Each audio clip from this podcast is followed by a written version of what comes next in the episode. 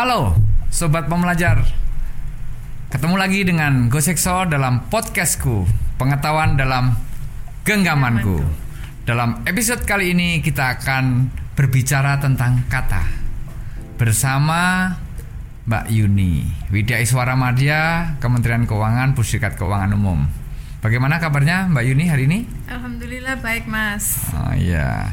Berbicara tentang kata bahasa Indonesia setelah episode sebelumnya kita berbicara tentang uh, Huruf. huruf ya tentang huruf dengan aturan yang sudah baru bukan lagi EYD yang gitu ya. Apa itu Ya, namanya betul. Mbak? UEBI mas. UEB, ya. Ejaan Bahasa Indonesia. Nah, setelah kita berbicara tentang huruf, maka kita berbicara tentang kata. Nah, dari kata ini kira-kira apa yang yang menarik untuk dibicarakan Mbak Yuni? Iya. Oke. Jadi kata ini mas eh, dalam bahasa Indonesia itu dibagi menjadi dua ya. Ada kata dasar, ada kata berimbuhan. Nah. Yang sering kali dan ini sangat menarik mas untuk kata berimbuhan itu sering kali kita tidak menyadari kalau kita itu membuat kesalahan dalam menuliskan kata berimbuhan. Ada kata-kata tertentu ya eh, yang berawalan dengan huruf tertentu yang ketika diberi imbuhan itu bentuknya menjadi lain daripada yang lain. Contohnya kayak Contohnya apa itu? misalnya gini. eh, kata kerja yang berawalan dengan konsonan K, T, S dan P misalnya KTSP. Ya, KTSP, Oke. KPTS, KSPT boleh dibolak-balik ya. Oh, berarti berarti diberi- kalau di biar biar teman-teman podcastku hafal ya, berarti kata siapa gitu. KT siapa nah, Iya, KTSP betul. gitu. Oke. KT siapa? Ah, Nah, oke. biar lebih gampang mengingat ya. Jadi Iya. empat empat eh, konsonan itu kalau ketemu dengan awalan me, Me, ya, jadi empat konsonan itu eh, luluh mas, Luluh. hilang Oke. dari kata tersebut. kalau K jadi apa? kalau K, jadi misalnya me ditambah dengan kata kombinasi kan menjadi mengombinasikan. K-nya hilang, Oke. me-nya berubah menjadi meng. Nah, itu yang Kerja? kerja mengerjakan. Oke, konsumsi mengonsumsi. Oke, Ya, seperti nice. itu ya. Ah. Jadi itu nah sering kali ketika kita menulis entah Hmm. itu naskah dinas, entah itu karya tulis atau apa pun, itu sering kali kita tidak menyadari kalau yang kita tulis itu salah. Mengkonsumsi. Mengkonsumsi. Padahal mengonsumsi. Mengkonsumsi, Oke, itu K, itu K. Itu K. T. T misalnya taat. Taat. Nah, ketemu dengan me menjadi Menaati. menaati. Oke, Nah, lulus biasanya, berarti gue nih. Biasanya itu mentaati, Oh, ya iya. kan? Padahal itu salah. Oke, Ah. berarti selama ini salah saya gitu ya. Bagaimana sobat pembelajar? Apakah salah seperti saya atau uh, sudah benar dengan kaidah WEB ini? K sudah, T sudah, S S. S. Oke, sapu. Sapu, Ketemu dengan me menjadi menyapu. Oke. Ya kan? S-nya hilang, me-nya Iya. berubah menjadi men. Hmm, gitu, berarti gitu ya. Semua itu berarti semua tanpa terkecuali ya. Semua tanpa Ah. terkecuali. K, T, S. P sekarang. P pukul, Pukul. menjadi Memukul. memukul. P-nya Oke. hilang, Ah. me-nya berubah menjadi mem. Ya. Tapi kaidah ini tidak berlaku kalau setelah KTSP ada konsonan lagi. Oke, Gitu. contohnya kayak apa itu? Contohnya misalnya transfer. Setelah T ada R. T Hmm. dan R itu kan dua-duanya konsonan tuh. Bukan mentransfer. Bukan mentransfer melainkan mentransfer. Jadi T-nya tetap utuh. Oke, dia konsonan ketemu konsonan jadi kuat dia, Iya, dia nggak luluh. nggak Tapi kalau konsonan nggak ada temennya, luluh. Luluh dia. Gitu ya, sobat Betul, pembelajar. itu. Apa ngapalinya gitu deh gitu. Kalau misalnya konsonan ada temennya nggak luluh, tapi konsonan sendirian di ujungnya tidak ini, maka dia luluh. Nah, gampang kan? Nah, jadi asik ini ternyata belajar. Tapi kenapa saya baru tahu sekarang ya?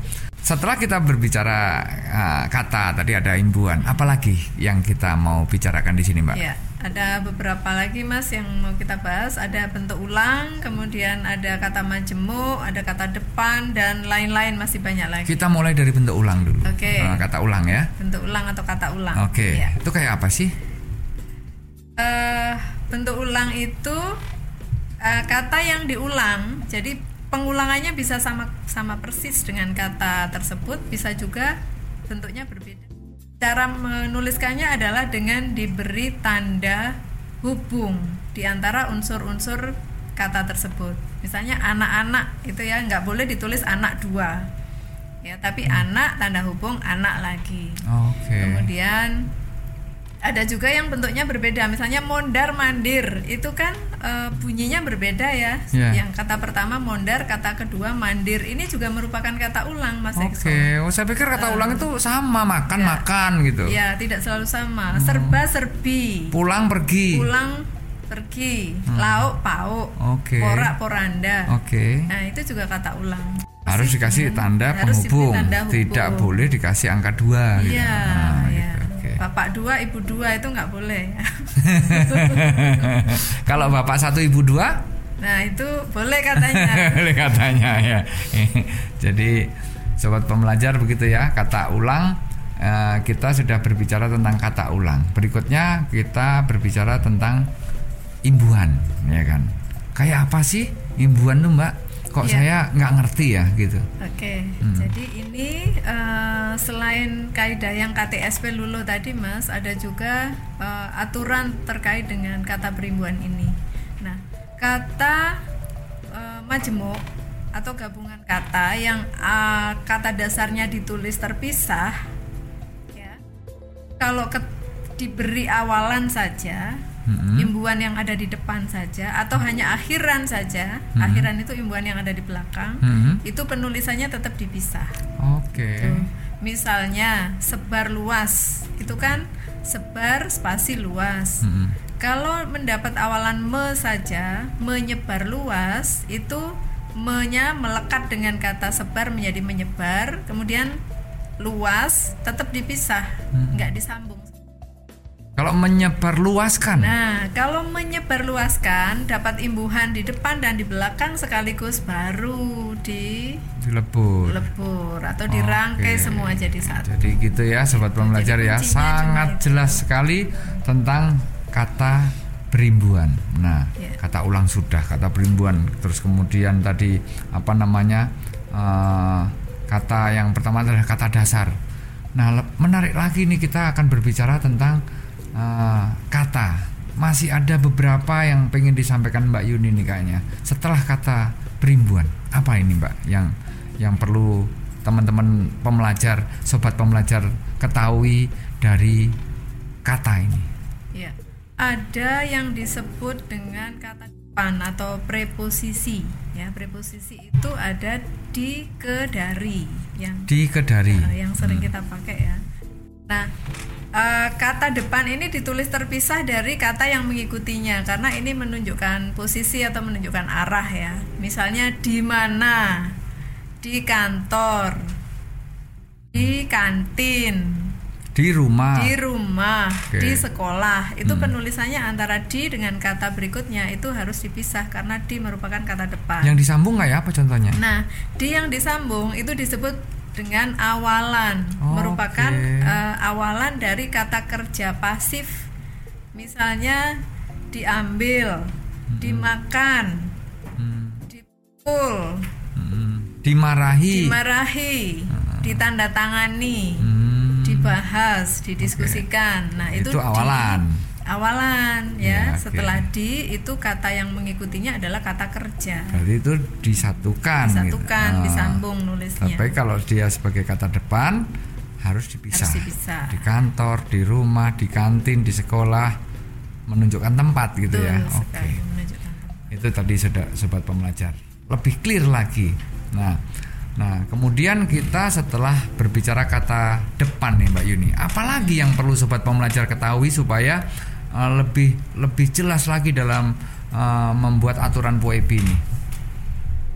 Berikutnya ada uh, singkatan dan akronim Mas Sekso. Singkatan itu bisa berupa singkatan nama orang, gelar, sapaan, jabatan ataupun pangkat ya. Jadi kalau nama orang, gelar, sapaan, jabatan atau pangkat itu disingkat harus di ikuti tanda titik pada setiap huruf atau setiap unsur dari singkatan itu. Di setiap huruf. Mm-mm. Oke. Di setiap huruf yang disingkat ya. Misalnya nih, Agus Hekso Pramudiono. Agus Heksonya mau disingkat A dan hanya disingkat berarti setelah A harus ada titik, setelah H harus ada titik lagi. gitu. Jadi kalau nama saya Pramudiono diganti Nasution jadi AH Nah, Nasution. Nasution, betul. Oh, A titik. H titik A titik H titik Nasution. Wah, gitu ya. Betul. Hmm. Saya pikir itu gelar depan gitu ya. Ternyata nama boleh disingkat ya. Nama boleh disingkat. Boleh disingkat. Nama Nah, boleh selain nama yang disingkat, gelar itu juga Gelar bisa disingkat. juga, Aturannya ya. kayak apa itu, Mbak? Nah, gelar itu eh, di setiap unsurnya juga sama diberi titik. Ya, misalnya sar- saya sarjana sastra, itu gelar belakang ya. Hmm. Berarti singkatannya adalah S titik S titik. Nah, tapi di belakang nama sebelum gelar harus ada tanda koma. Nah, Oke. itu itu bedanya. Kalau tidak diberi tanda koma, berarti singkatan itu Nama juga. singkatan nama, bukan Oke. singkatan gelar gitu. Itu itu bedanya antara singkatan gelar dan singkatan nama. Nah, antara gelar satu dan gelar berikutnya dikasih koma lagi Dikasih apa? koma untuk. Hmm. memisahkan. Jadi misalnya kayak saya kan gelarnya di belakang semua tuh Ya. dua Mas Ekso Ya. S S M S I. Berarti Hmm. cara nulisnya adalah Sri Wahyuni, koma S titik S titik koma M titik S I titik. Oh, SI-nya jadi satu. SI-nya jadi satu dengan S kapital I kecil, kemudian Oh, gitu. diakhiri tanda titik. Jadi setiap unsur eh, gelar diberi titik. Oke. Untuk Nah, memisahkan gelar satu dengan gelar yang lain diberi koma. ya, jadi Gitu. penyingkatan nama sudah jelas. Kemudian gelar diawali dengan koma, kan gitu ya. Diawali dengan koma kemudian gelar.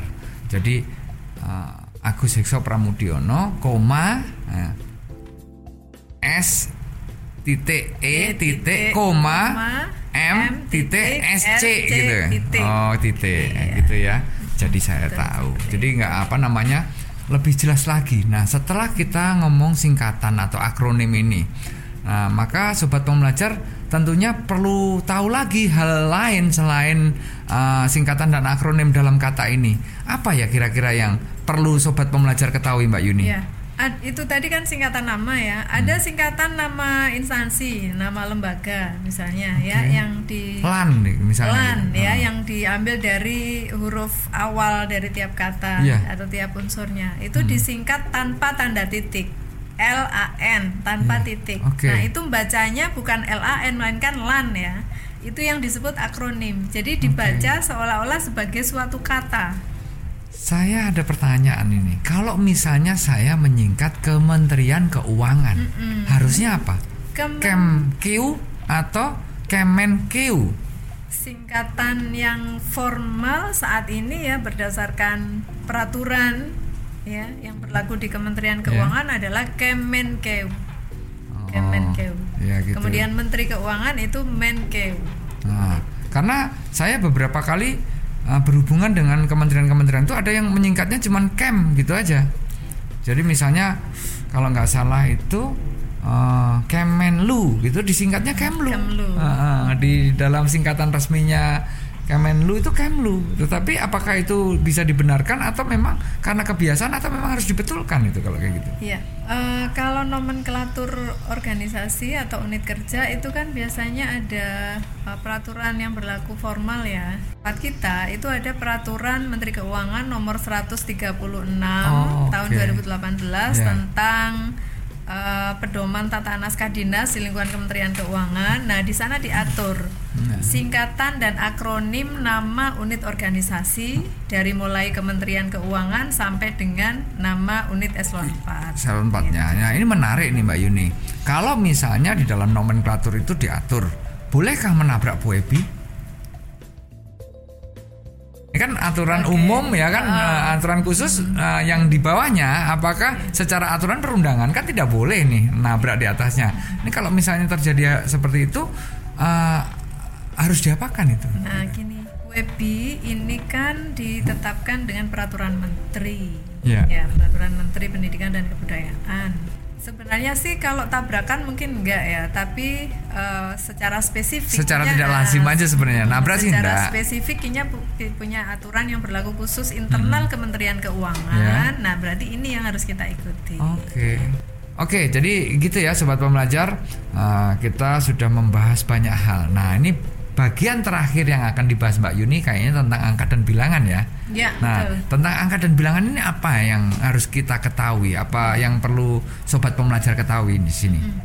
Jadi ini penggunaan atau pemakaian atau penulisan cara cara penulisannya ini Mas Ekso yang yang harus harus tepat ini ya karena itu ada aturannya juga ya. Jadi angka itu dalam bahasa Indonesia ada dua macam, ada angka Arab ya angka Arab itu angka biasa 1 2 3 sampai 9 kemudian ada angka Romawi. Arab dan Romawi. nah, angka Romawi. Ini penggunaannya juga masing-masing berbeda. Kaidahnya adalah kalau bilangan atau angka itu ya, di dalam teks kata satu atau dua kata nah itu ditulis dengan huruf. Jadi hmm nggak perlu angka dan huruf sekaligus okay. ya cukup hurufnya saja hmm. misalnya satu berarti S A T U gitu ya tanpa angka satu Oke, okay. tidak perlu satu dalam kurung SATU uh, enggak ya? Perlu, cukup okay. SATU saja. Okay. Kemudian kalau jumlah katanya lebih dari dua, misalnya okay. tiga kata, 150 yeah. itu kan tiga kata. Yeah. Nah itu baru ditulis dengan angka 150. Gitu. Okay bedanya seperti itu. Nah, tapi ada perkecualian ya. Misalnya dalam peraturan perundang-undangan, kemudian hmm. dalam akta, hmm.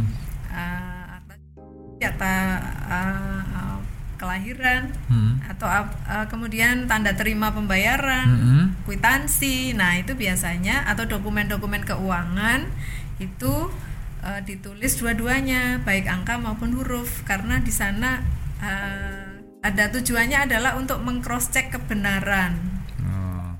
di penulisan angka itu. Jadi, Jadi meyakinkan, ya, meyakinkan bahwa betul. itu benar-benar apa namanya tidak salah penulisannya yes, gitu. Betul seperti itu. Oke, seru ya kita yeah. belajar puebi tentang kata.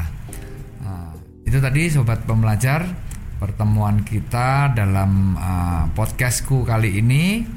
Uh, itu singkat tetapi padat berisi dan menambah uh, kasanah budaya kita tentang kata sesuai dengan Puebi. Kita akan ketemu lagi dalam podcastku yang akan datang dalam suasana masih berbahasa Indonesia ya. Tentunya akan seru ya. Kita tunggu saja sampai ketemu lagi dalam podcastku pengetahuan dalam genggamanku. genggamanku.